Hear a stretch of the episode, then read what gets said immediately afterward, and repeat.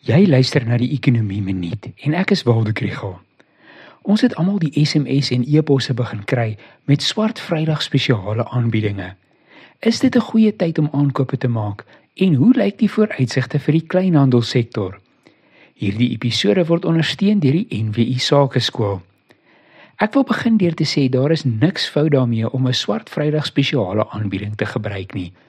In taai ekonomiese tye help al die afslag wat mens kan kry.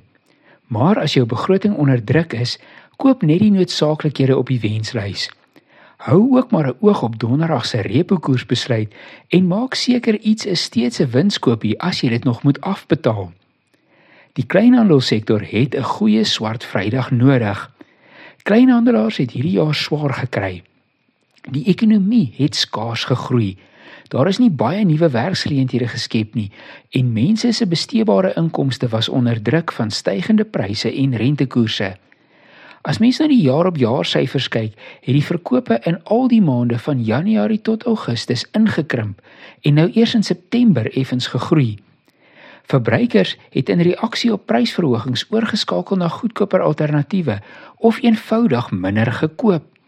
Subsektore soos hardeware, verf en glas het swaar gekry. Die groei in September maand was in die klere en skoene kategorie en ook kos en drank. Soos altyd kan jy Vrydag gratis na die Ekonomie Minuut luister.